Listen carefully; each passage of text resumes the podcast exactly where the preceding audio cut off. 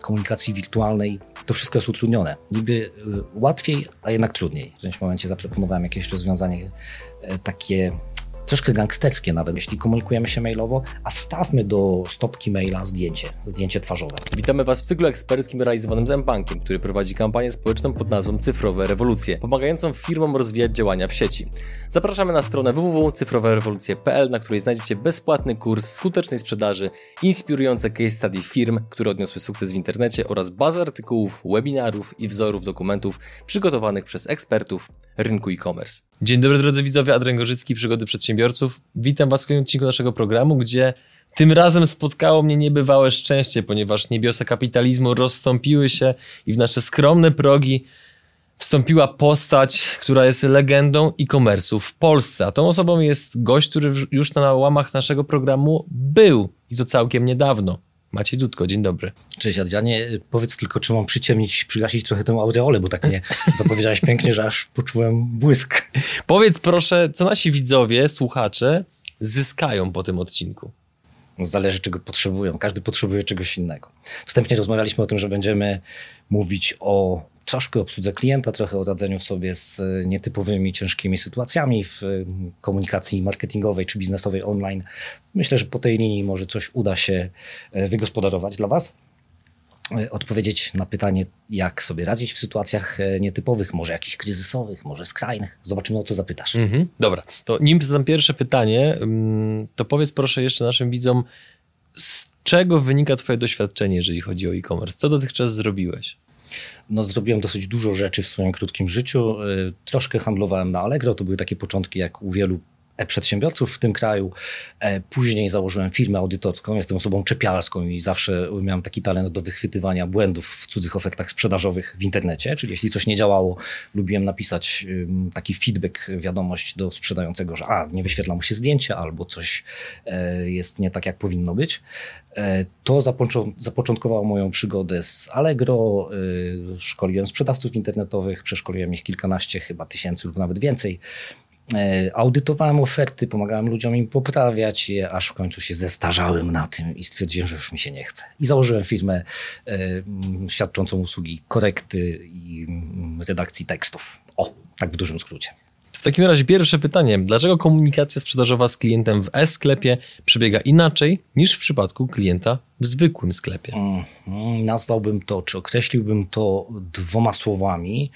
E, jedno słowo, które rozstrzyga, to jest diachroniczność takiej komunikacji. Drugie, wirtualność. I chyba w nich można byłoby zamknąć kwintesencję różnicy między tym, jak komunikujemy się na co dzień w życiu, w biznesie stacjonarnym, powiedzmy w sklepie stacjonarnym, a w online tak zwanym. E, I ta pierwsza kwestia, czyli mm, diachroniczność komunikacji, to jest e, przesunięcie. Czyli tak jak my sobie teraz rozmawiamy, rozmawiamy synchronicznie, tak jak przychodzi do nas klient do sklepu stacjonarnego, zadaje nam pytanie, odpowiadamy, czy jesteśmy sprzedawcą, takim półkowym powiedzmy pomocnikiem, czy menedżerem, e, który mm, vis-a-vis rozmawia z, mm, z klientem, który przychodzi. E, tak w internecie często dostajemy zapytanie, czy to mailem, czy przez jakiś formularz kontaktowy. I ono sobie tam leży, to pytanie, kilka minut, kilka godzin, no mam nadzieję, że nie kilka dni. I my odpowiadamy z jakimś przesunięciem czasowym. Nie mówię o komunikacji telefonicznej, która też jest synchroniczna oczywiście. A z tego wynikają różne e, implikacje to taki klient może nam na przykład troszkę ostygnąć, bo jest napalony na nasz produkt albo na naszą usługę, zadaje szybko pytanie i mógłby w sklepie tradycyjnym szybko kupić, a tutaj czeka na naszą odpowiedź i ten jego zapał może ostygnąć. Mogą się pojawić jakieś szumy komunikacyjne. To jest ta z kolei wirtualność, gdzie w takim tradycyjnym biznesie możemy szybko sprostować. Możemy coś powtórzyć, jeśli ktoś czegoś nie zrozumiał, coś tam wydawa, wydało się nie, niejasne. E, w komunikacji wirtualnej to wszystko jest utrudnione. Niby y, łatwiej, a jednak trudniej z innej strony. No bo y, przez internet nie widzimy człowieka, y, no chyba, że mówimy o jakimś, jakiejś formie komunikacji y, wideoczatu powiedzmy, ale najczęściej to są maile albo jakieś komunikaty, czy zapytania przez komunikatory wysyłane. Czyli nie ma tego spojrzenia w oczy do przedsiębiorca i klient. Nie mogą sobie spojrzeć, nie mogą posłuchać swojego głosu, jeśli nie rozmawiają przez telefon albo na żywo. E, nie mogą się dotknąć. Czasami w stacjonarnym biznesie sprzedawca może klienta, no nie chcę mówić, że obmacywać czy przytulać, ale dotknąć w ramię, poprowadzić do droższego produktu albo do lepszego dla niego i tak dalej. Nie możemy się przez internet powąchać. No, nie chciałbym zagłębiać się w ten temat, bo mamy środek lata, ale jednak to jest jeden ze zmysłów, który jakby nie patrzeć, oddziałuje w komunikacji internetowej. Nie wszystkie zmysły biorą udział. No i teraz właśnie a propos komunikacji, rozwijając ten wątek. Jak dbać o komunikację w internecie, kiedy firma ci rośnie, ale jeszcze jesteś w tym takim momencie, kiedy nie możesz za bardzo zatrudnić nowych ludzi. Jak to zoptymalizować? Czyli mówimy o takiej sytuacji, w której jest wielu małych i średnich e, przedsiębiorców, czy w ogóle przedsiębiorców w Polsce, którym firma rośnie, no bo jak e, usycha i więdnie i trzeba ją zamknąć, to tego problemu nie ma, nie? Ale jak firma rośnie, to często jesteśmy na takim etapie, też na nim byłem, e, kiedy trudno jest przekazać wykonywanie zadań komuś innemu, no bo chcielibyśmy wszystko zrobić sami. No, wiem, że to są truizmy, ale no tak jest, że chcemy sami zrobić, bo zrobimy to najlepiej, bo nie chcemy się dzielić pieniędzmi, bo nie chcemy się dzielić odpowiedzialnością, może rozcięczać tej odpowiedzialności. E, natomiast w pewnym momencie, jeśli firma jest zdrowa, rozwija się, jest więcej klientów niż nasza doba pozwoli obsłużyć własnymi rękami. E, I w przypadku mojej firmy zakładam, że różni przedsiębiorcy w różnych branżach będą mieli różne doświadczenia. W mojej branży edytorskiej, w momencie, kiedy mm, zaczęło przybywać zleceń, więcej klientów, więcej tekstów do sprawdzenia, prac magisterskich, książek, niż byłem w stanie własnoocznie e, przeanalizować i poprawić, trzeba było zwiększyć zespół. No to była pierwsza rzecz. Oczywiście tam powiedzmy temat zwiększania zespołu to jest inna kwestia, dłuższy wątek. Natomiast z tym wiąże się coś, co może być strategiczne dla słuchaczy, odbiorców, e, czyli ułożenie procesów coś, co bardzo często brzmi strasznie i przerażająco procedury.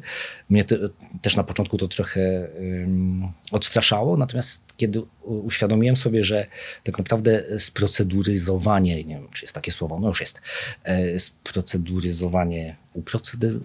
Albo sprocesowanie. Albo sprocesowanie, o widzisz, dzięki, jest łatwiej. Sprocesowanie biznesu y, może się ograniczać, czy w, dużej, y, w dużym stopniu bazować na pewnych scenariuszach, najczęstszych wydarzeń, najczęstszych zapytań, najczęstszych kłopotów, jakie się pojawiają. No bo jeśli działamy w jakiejś branży rok, dwa, trzy, dziesięć, piętnaście, no to wiemy już, że pewne sytuacje są powtarzalne. I przygotowanie się na takie sytuacje, y, przygotowanie scenariuszów działań czy, czy odpowiedzi nawet mailowych jest takim pierwszym fajnym krokiem właśnie do ustalenia pewnych zasad postępowania, a przez to uodpornienia się na skalę, bo im więcej klientów jest, e, tym mniej proporcjonalnie na jednego klienta tracimy czasu, przeznaczamy, źle powiedziałem, tracimy, inwestujemy czasu, niż gdybyśmy za każdym razem od nowa próbowali odpowiedzieć na stare pytania. To a propos sytuacji trudnych, jak rozwiązać sytuację, kiedy zrobiliśmy dla klienta coś na indywidualne zamówienie? Znaczy już, już sama fraza powoduje we mnie jakby czucie tych konsekwencji, które się z tym mogą wiązać. Natomiast koniec końców, pomimo tego indywidualnego zamówienia, coś się nie udało. Jak wyjść z takiego impasu komunikacyjnego? Jednym słowem bym odpowiedział albo kreatywnie, czyli wymyślić coś, co nas wyciągnie, a jednocześnie nie spali nam tego klienta, nie wygeneruje negatywnej opinii w internecie, nie wygeneruje jakiegoś sporu, jakichś złych emocji, albo jeśli są już takie emocje, to fajnie pozwoli je e, załatwić albo właśnie w oparciu o procedury. Jeśli mamy procedury na takie sytuacje, jeśli się one powtarzają, bo możemy działać w branży podwyższonego ryzyka, wykonujemy coś na zamówienie, coś się czasami lubi schrzanić, e, mamy procedury, w każdej branży to może być coś innego, wtedy y, raz przypracowany taki problem później przestaje być problemem, bo staje się pewną automatycznością. Oczywiście powinniśmy też dążyć, żeby jeśli jakiś błąd się pojawia albo jakieś zgrzyty yy, powtarzają, to żeby umieć też je zredukować, wyeliminować. No bo jeśli coś się powtarza, a jest negatywnego, to znaczy, że nie wiem, może jest jakiś niedobór, niedostatek, jakaś dziura w systemie yy, kreatywne rozwiązanie. Niektóre sytuacje pojawiają się raz, nie powtarzają się i wtedy trzeba trochę pomyśleć. I yy, mam taką historię przyjaciela, który produkował, sprzedawał. Sprzedawał odzież i na zamówienie indywidualne klientów na tej odzieży jego firma haftowała jakieś tam obrazki. E, I takie, no, powiedzmy, że było to zamówienie spersonalizowane, czyli teoretycznie zgodnie z przepisami prawa mm, nie podlegające pod obowiązek zwrotu, jeśli klient by chciał takiego zwrotu dokonać. No, a z drugiej strony wyobraźmy sobie klienta, który zamawia bluzę w niewłaściwym rozmiarze, i tej bluzy, jak się okazuje, mm, czy w momencie, kiedy się okazuje, że ona nie pasuje, nie może oddać e, sprzedającemu, bo sprzedający nic e, z nią nie zrobi, nie sprzeda jej drugi raz, bo ona została spersonalizowana.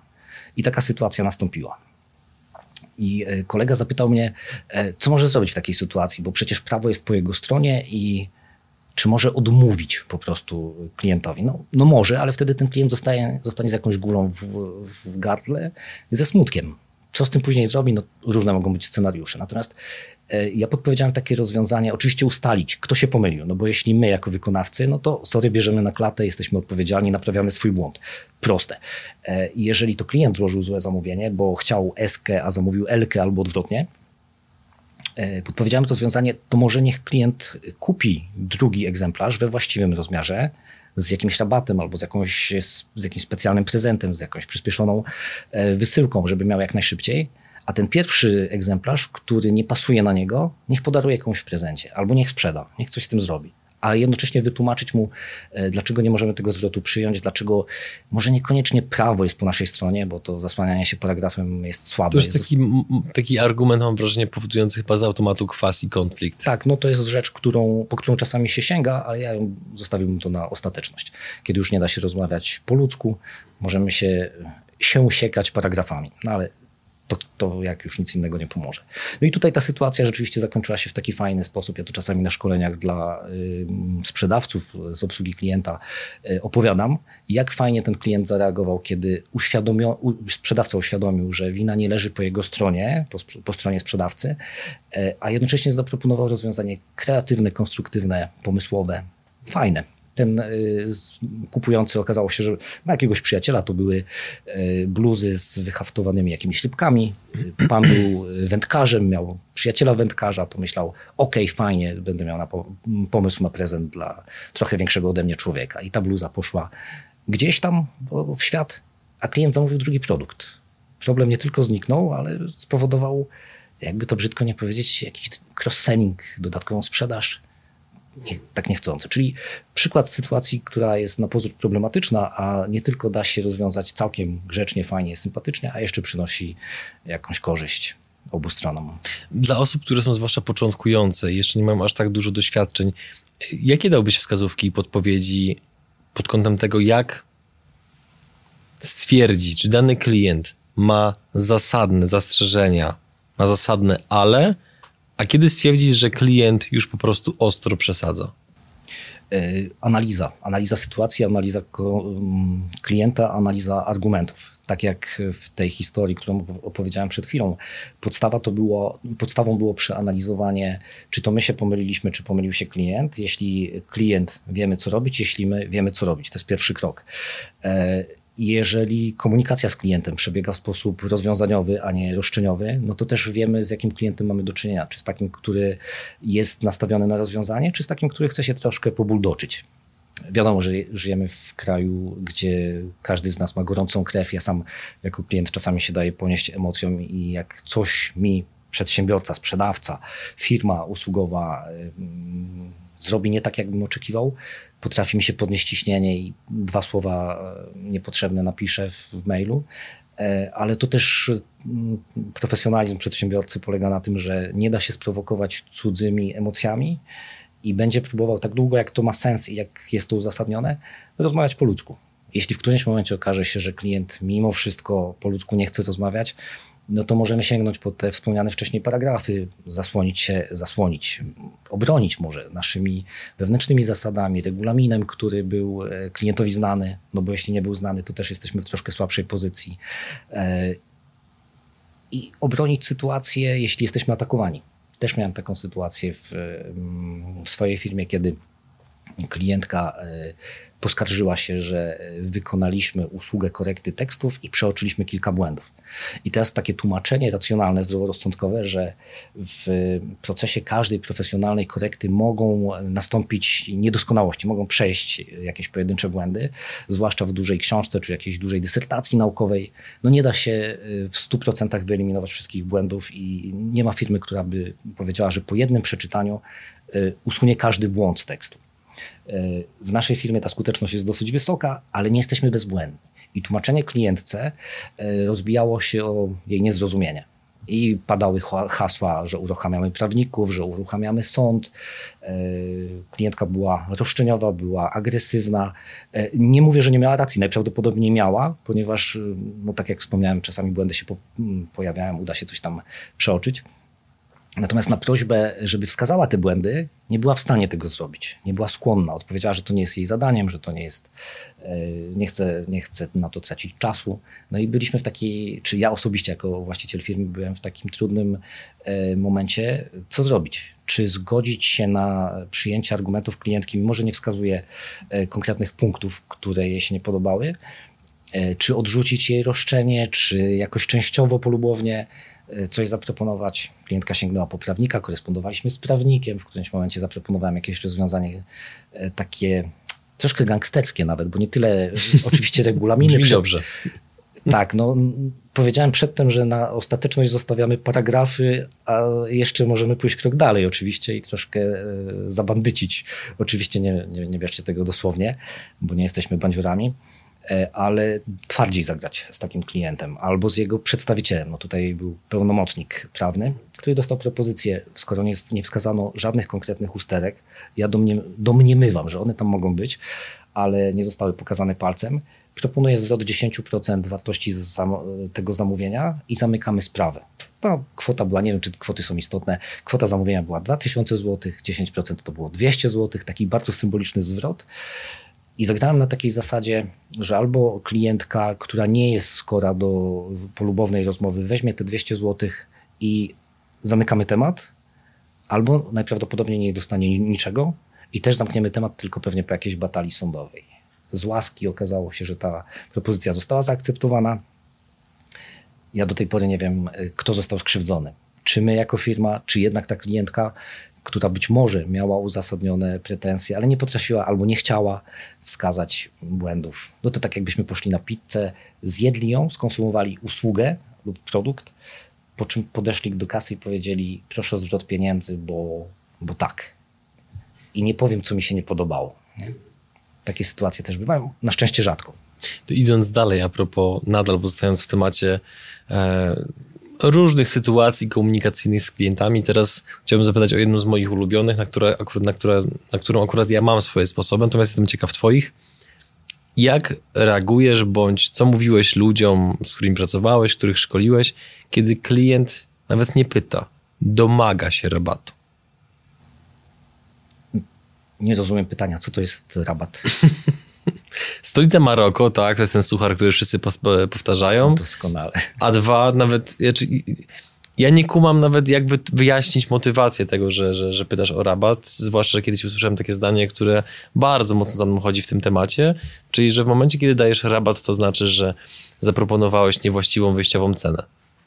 I tyle. No właśnie, powiedziałeś przed chwilą, że nie kumasz motywacji. To tak. jest myślę, że klucz do odpowiedzi na pytanie, jak odpowiedzieć klientowi, co zrobić, jak się zachować.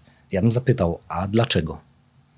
Po prostu, a dlaczego? Mhm. Często klient, który przychodzi do nas e, przez internet, bo mówimy przede wszystkim o e-commerce, e, na dzień dobry używa tego pierwszego argumentu, bo, czyli a poproszę o tańszą cenę, o niższą cenę, bo inna firma robi to samo taniej no to jest jakiś argument, nie? Pytanie, czy my jesteśmy na tyle przygotowani i pewni siebie i swojej oferty, żeby z takim argumentem walczyć. No bo jeśli mamy dokładnie taką samą ofertę jak inna firma i y, tamta jest rzeczywiście y, korzystniejsza cenowo dla klienta, pytanie, czy mamy coś, czym możemy uświadomić klientowi, że jednak nasza oferta jest lepsza. To jest klucz do rozwiązania zagadki. E, jak w ostatnich tygodniach, tydzień może dwa tygodnie temu napisał do mnie klient, e, że usługa, którą mu wyceniliśmy na 400 zł, to jest niska wartość usług w naszej firmie, e, została mu zaoferowana, wykonanie tej usługi zostało mu zaoferowane przez inną firmę e, za tę samą cenę, ale różnica polegała na tym, że u nas to była jednokrotna korekta, a ktoś zaoferował mu dwa czytania, czyli korektę główną, później korektę poskładową, a do tego jeszcze skład. Czyli trzy usługi w cenie jednej poniekąd zadałem pytanie klientowi, oczywiście ze zrozumieniem e, klienta, że no jasne, że przy wybier wybieraniu większości oczywiście. produktów i usług jednym z istotnych elementów jest e, cena tej usługi. Ale pytanie, czy to jest na pewno ta sama usługa? Czy firma, która została wybrana, też funkcjonuje na rynku od 20, 26 lat? czy też obsługuje największe polskie ministerstwa, urzędy, uczelnie, wydawnictwa, redakcje, blogerów mniej lub bardziej znanych czy też ma na koncie kilkanaście tysięcy sprawdzonych e, tekstów, czy też ma 30 e, iluś korektorów, czy też ma, i oczywiście zacząłem wymieniać, wymieniać, wyliczać wszelkie korzyści, które wiem, że są u nas i nie ma ich gdzieś indziej. Czy na przykład ktoś pomoże takiemu autorowi książki w dystrybucji, czy ktoś mu podpowie, jaką drukarnię wybrać, czy ktoś podpowie, jak zrobić marketing, czy ktoś obejmie taką publikację e, patronatem. I puści... Czyli jego wątpliwości włożyłeś do młynka i zmieliłeś. No, Piękne. Odpowiadając najbardziej naukowo, jak potrafię. No. Mhm. Zmienić ten argument klienta, y, który y, koncentruje się w punkcie, że tę samą usługę. To nie jest ta sama usługa. Mhm. On, nie mówię, że ona jest zła. Jest mnóstwo firm, które są naszymi konkurentami, a są świetnie przygotowane do obsługi tekstów i pracują tam fantastyczni redaktorzy, korektorzy. Natomiast mało która firma ma takie możliwości, jakie ja przez ćwierć wieku prowadzenia tego biznesu e, wypracowałem. I tymi dodatkowymi korzyściami no, wygrywamy. Do tej pory wygrywamy. Mhm. Takim sposobem, który u mnie bardzo dobrze działa, a który podpowiedział mi jeden z przedsiębiorców, to jest taki schemat, kiedy przedsiębiorca mówi do ciebie, ok, chciałbym rabat, zniżkę, cokolwiek. Wtedy ja mu odpowiadam, no dobrze, przyjmijmy, że ta usługa kosztuje 10 tysięcy złotych ty chcesz rabatu 10%, czyli jedna dziesiąta całości, to powiedz mi z tych wszystkich elementów, z których musimy zrezygnować, które ci są najmniej potrzebne, żebyśmy z tej ceny mogli zejść, żeby wszystko było uczciwe. Ale jak to? Mam dostać niekompletny produkt? No a dlaczego ja mam dostać niekompletną cenę? I nagle taka prosta przedstawienie sytuacji powoduje, że nagle ktoś zaczyna myśleć i ludzie mówią, dobra, dobra, jakby już tutaj spróbowałem, nie udało się. No właśnie, jakby to jest często kwestia tego, że po prostu się kulturalnie postawimy. I tyle, nie? To taki, taka technika wzięta ze sztuk walki. Obrona blok przed kopnięciem, przed ciosem, przed uderzeniem.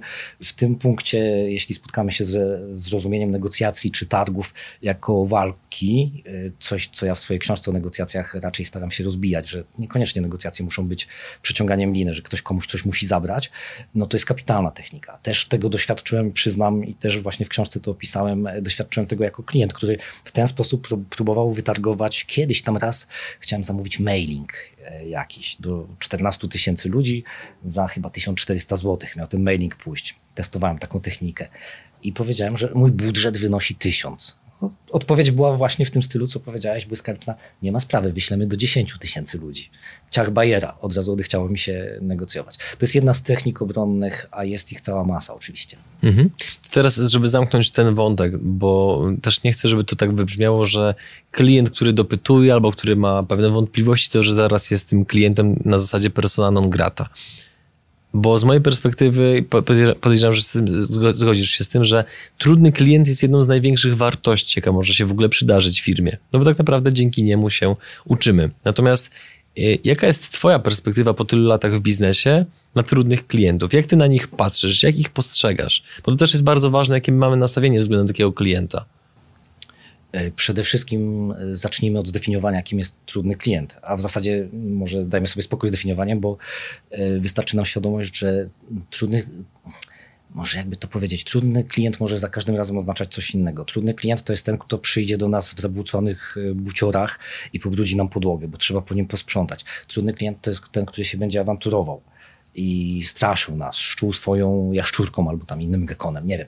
Trudny klient to jest taki, który będzie zwracał nam uwagę, że coś nie działa, że coś e, nie spełnia jego oczekiwań i to jest ten dobry, trudny klient, który pozwoli nam nauczyć się czegoś albo coś poprawić. To Pierwsza rzecz znów analiza sytuacji, jakiego rodzaju to jest klient trudny. Bo to może być klient terrorysta, który przyjdzie i bezmyślnie zacznie na przykład mm, e, negocjować właśnie jakieś zniżki, nie myśląc w ogóle o tym, co robi, bo zawsze tak robił na targowisku i w naszej firmie będzie ten e, mechanizm też próbował zastosować.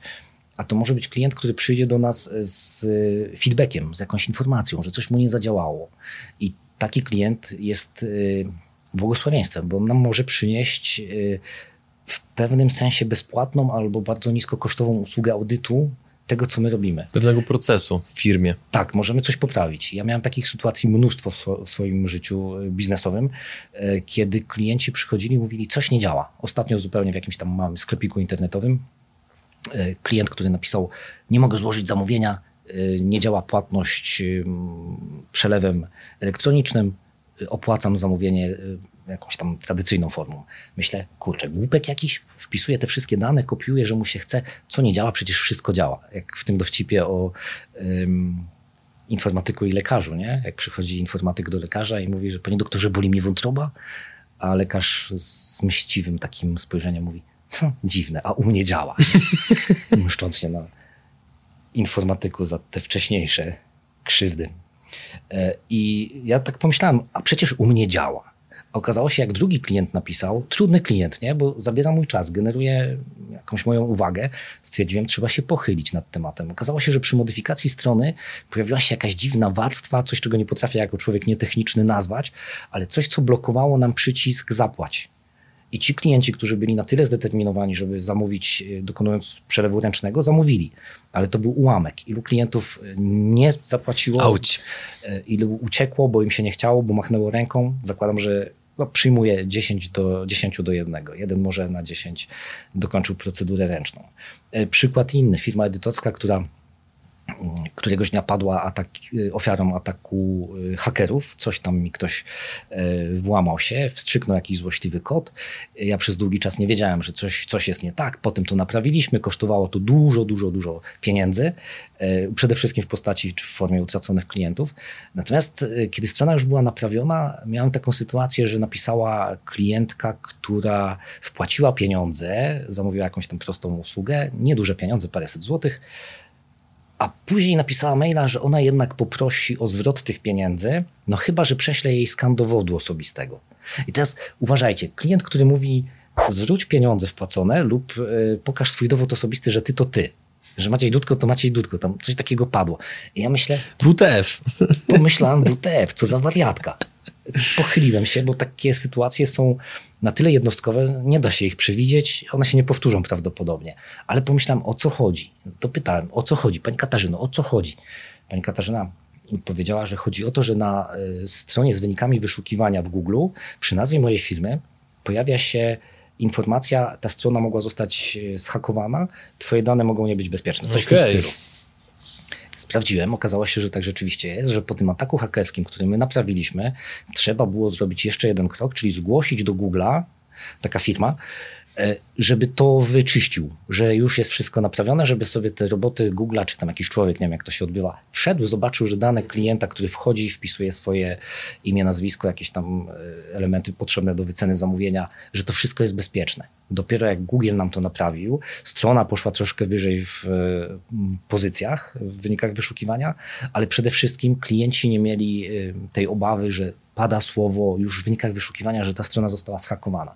I znów, jedna klientka, która można powiedzieć była trudną klientką, bo wymagała mm, jakiegoś indywidualnego podejścia, odpowiedzi, sprawdzenia, okazała się być może y, no właśnie, ona nie przyniosła nam kilkuset złotych i nie zabrała kilkudziesięciu minut życia, tylko prawdopodobnie uratowała firmę i mnie przed większymi stratami, bo ilu klientów widząc taki tekst nie zareagowałoby, a żyjemy w społeczeństwie coraz bardziej zobojętniałym na nieprawidłowości, których też jest dużo, więc może dlatego tak mało osób tak chętnie je sygnalizuje.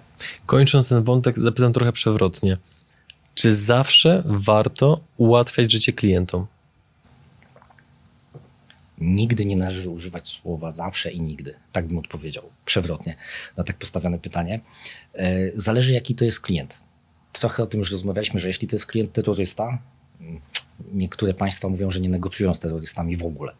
E, byłbym daleki od takiego postawienia sprawy, że jeśli przychodzi ktoś, przystawia nam epistolet do głowy i czegoś żąda, coś sobie rości, żebyśmy go od razu żebyśmy się go pozbyli, bo i takie sytuacje miałem, kiedy ktoś zamawiał, a taki zamierzchły case sprzed lat kilkunastu, ktoś zamówił szkolenie z prawa autorskiego. E, I taką, taką tematyką szkoleń też się kiedyś zajmowałem. I e, w umowie, którą dostałem, było, była cała masa zapisów, które były dla mnie niekorzystne. No, miałem za, to, za tę usługę otrzymać całkiem fajne pieniądze, no ale zgadzałem się tam na niewykorzystywanie tych materiałów, które przedstawię uczestnikom nigdy w przyszłości. Nigdy nie wykorzystywać prezentacji multimedialnej, którą miałem przy, przygotowaną. Nie informować nigdzie, nie chwalić się, że szkoliłem taką i taką firmę, a w zasadzie urząd. Chodziło o pewien urząd w Małopolsce. I tak sobie pomyślałem, kurczę, duże pieniądze, ale roszczenia kosmiczne. Kosmiczne. Odpowiedziałem e, z takim lekkim przekąsem, ale mam nadzieję, że w dobrym stylu, że rozumiem, że warunki umowy, która została przedstawiona i warunki, które zostały zaproponowane, mają być testem. Czy znam się rzeczywiście na prawie autorskim, czy wiem, co to jest licencja, co to jest sublicencja, co to są prawa autorskie jakieś tam pochodne i jak się odbywa dystrybucja, które prawa majątkowe czy osobiste można sprzedać, z czym to się wiąże i tak dalej, i tak dalej. Oczywiście tamta strona momentalnie powiedziała, że to takie standardowe zapisy, oczywiście wycofujemy, wykreślamy to. I to był przykład, kiedy taka trochę terrorystycznie skonstruowana umowa była w pełni negocjowalną. Okazało się, że nie taki terrorysta znowu e, straszny. Często firmy się zabezpieczają, próbują się zabezpieczyć na różne sposoby, na różnych frontach, ale czasami wystarczy rozmawiać. Często, zazwyczaj, hmm, prawie zawsze. Kończąc powoli naszą rozmowę, co oznacza przeczytam, dewirtualizować ofertę w internecie. Jak to się robi? Czyli zataczamy swego rodzaju pętlę, bo na początku rozmowy zapytałeś, czym się różni e, komunikacja e, w internecie od tej mhm. tradycyjnej. Ja Zamykamy klamrą wszystko. Jest klamra, tak. E, ja wspomniałem, że jedną z, jednym z uroków komunikacji wirtualnej jest, no właśnie, wirtualność. Komunikacji online zaletą jest wirtualność, czyli to, że sobie z każdego miejsca na świecie przy użyciu komputera czy smartfona klikamy, pykamy, tap, tapa, tapamy, tapiemy, dokonujemy tapnięć w ekran.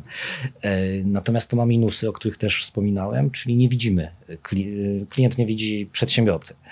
E, dewirtualizacja, czyli pokazanie się jako człowieka, jako firmy z krwi i kości, pokazanie twarzy to są bardzo proste rzeczy. Jeśli komunikujemy się mailowo, a wstawmy do stopki maila zdjęcie, zdjęcie twarzowe, chyba że ktoś chce inne, w zależności od branży. A wstawmy podpis, taką sygnaturkę odręczną. Podpiszmy na kartce, wyćwiczmy sobie jakiś ładny podpis, zeskanujmy, wstawmy. To są elementy, które pokazują odbiorcy, że ma do czynienia z, z żywym człowiekiem. Jeśli mamy stronę firmową, czy zakładkę na stronie o firmie, y, zamieśćmy zdjęcia. Zdjęcia budynków, zdjęcia biur, zdjęcia magazynów, zdjęcia salonu obsługi klienta, zdjęcia pracowników, e, żeby pokazać klientowi, że ma do czynienia z żywymi ludźmi, tylko oddalonymi geograficznie, w innym miejscu. Nagle okazuje się, że w momencie, kiedy takie techniki zastosujemy, techniki, też wielkie słowo, ludzie stają się, nie, inaczej, e-ludzie stają się bardziej ludźmi to E gdzieś tam się kurczy i klient ma mniej wątpliwości, że kupuje coś, że powierza swoje pieniądze za towar, za usługę e, firmie Krzak, która a może nie ma siedziby, może tylko ma skrzynkę pocztową, e, która, którą może obsługują jacyś asystenci z Indii, a nie żywi ludzie tu i teraz osadzeni. Dewirtualizacja. Pokazanie człowiekowi, który przychodzi do nas kanałami elektronicznymi, że my istniejemy fizycznie. W mojej firmie to jest e, zespół redaktorów, którzy są do dyspozycji klienta. Każdy redaktor ma zdjęcie, z wyjątkiem chyba jednej osoby, która z jakiegoś powodu nie chciała, nie ma sprawy, ma takiego szarego awatara. Każdy z redaktorów ma imię i nazwisko. Jeśli ma jakiś tytuł naukowy, to ten tytuł naukowy, opis, króciutka informacja, e, przez co klienci czasami e, przychodzą, rzadko się zdarza, ale mówią, to ja poproszę tę panią redaktor albo tego pana redaktora do obsługi, bo dobrze mu z oczu patrzy, albo bo ciekawy ma opis. Jeden z elementów dewirtualizowania oferty wirtualnej siłą rzeczy. Mi się to zdarzyło tego doświadczyć ostatnio, podczas kiedy robiliśmy dokonizację naszej spółki sprzedającej lody w Dubaju i w Abu Dhabi, to po prostu pojechaliśmy, wzięliśmy kamerę, pojechaliśmy do Zjednoczonych Emiratów Arabskich, pokazaliśmy z bliska, jak te punkty działają, jak wygląda całe zaplecze, maszyny, staw. Tak, spotkaliśmy Polaków i to było w ogóle ciekawe obserwując na wykresie, bo tuż przed tym jak pojechaliśmy, to zbiórka ona tak troszeczkę wyhamowała, jeżeli chodzi o dopływ kapitału, a potem jak opublikowaliśmy cztery vlogi, po prostu pokazujące od kulis biznes, no to w krótkim czasie zebraliśmy dwa razy większą kwotę i zamknęliśmy tokenizację, więc absolutnie potwierdzam, że to działa w 100%. Nazwałbym to jakby nie patrzeć elementem dewirtualizującym. Tak, totalnie. totalnie. Żywi ludzie, żywy produkt, produkt, który już jest osadzony gdzieś w jakimś miejscu, a nie tylko white paper i deklaracje. Słowa, słowa, słowa. I to jest moment, w którym musimy pokazać, musimy, chcemy pokazać książki, które masz dla naszych widzów, które można wygrać, jeżeli się zrobi co? Co mogą zrobić widzowie? Jakiś fajny komentarz. Jakiś zamieścić. fajny, merytoryczny komentarz o e-commerce, który też, na którym skorzystają też inni widzowie. Wydaje mi się, że to chyba Bardzo byłoby lubię polemiki, więc jeśli na przykład złapaliście coś, co was nie przekonuje, że w mojej firmie zadziałało, a u was nie, bardzo często spotykam się z takimi sytuacjami, no, każdy ma inne życie, każdy Oczywiście. ma inne doświadczenia, inne biznesy, to powiedzcie, jak to u was jest. Jeśli macie jakieś case'y, które by uzupełniły to, o czym rozmawialiśmy z Adrianem, to dopiszcie. I przypuszczam, że coś ciekawego wybierzemy Pokaż te książki, i wybierzemy i zaoferujemy książkę. Targuj się o negocjacjach zdrowych, bez przeciągania liny, bez rywalizacji, bez urywania komuś czegoś.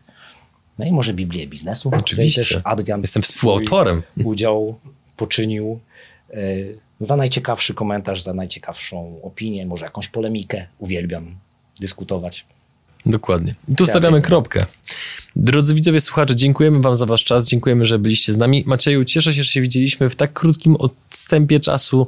Po raz drugi w ogóle nie wypadasz z formy. Twój sposób przekazywania wiedzy, informacji jest naprawdę na mistrzowskim poziomie. Przyjemnie mi się z Tobą rozmawiało. Dziękuję Ci za rozmowę. Bardzo pięknie dziękuję. Adrianie, jeśli jest tak fajnie, to ja sobie śpiwód sprowadzę, zostanę, możemy codziennie nagrywać i rozmawiać. Nie ma problemu. Fantastycznie.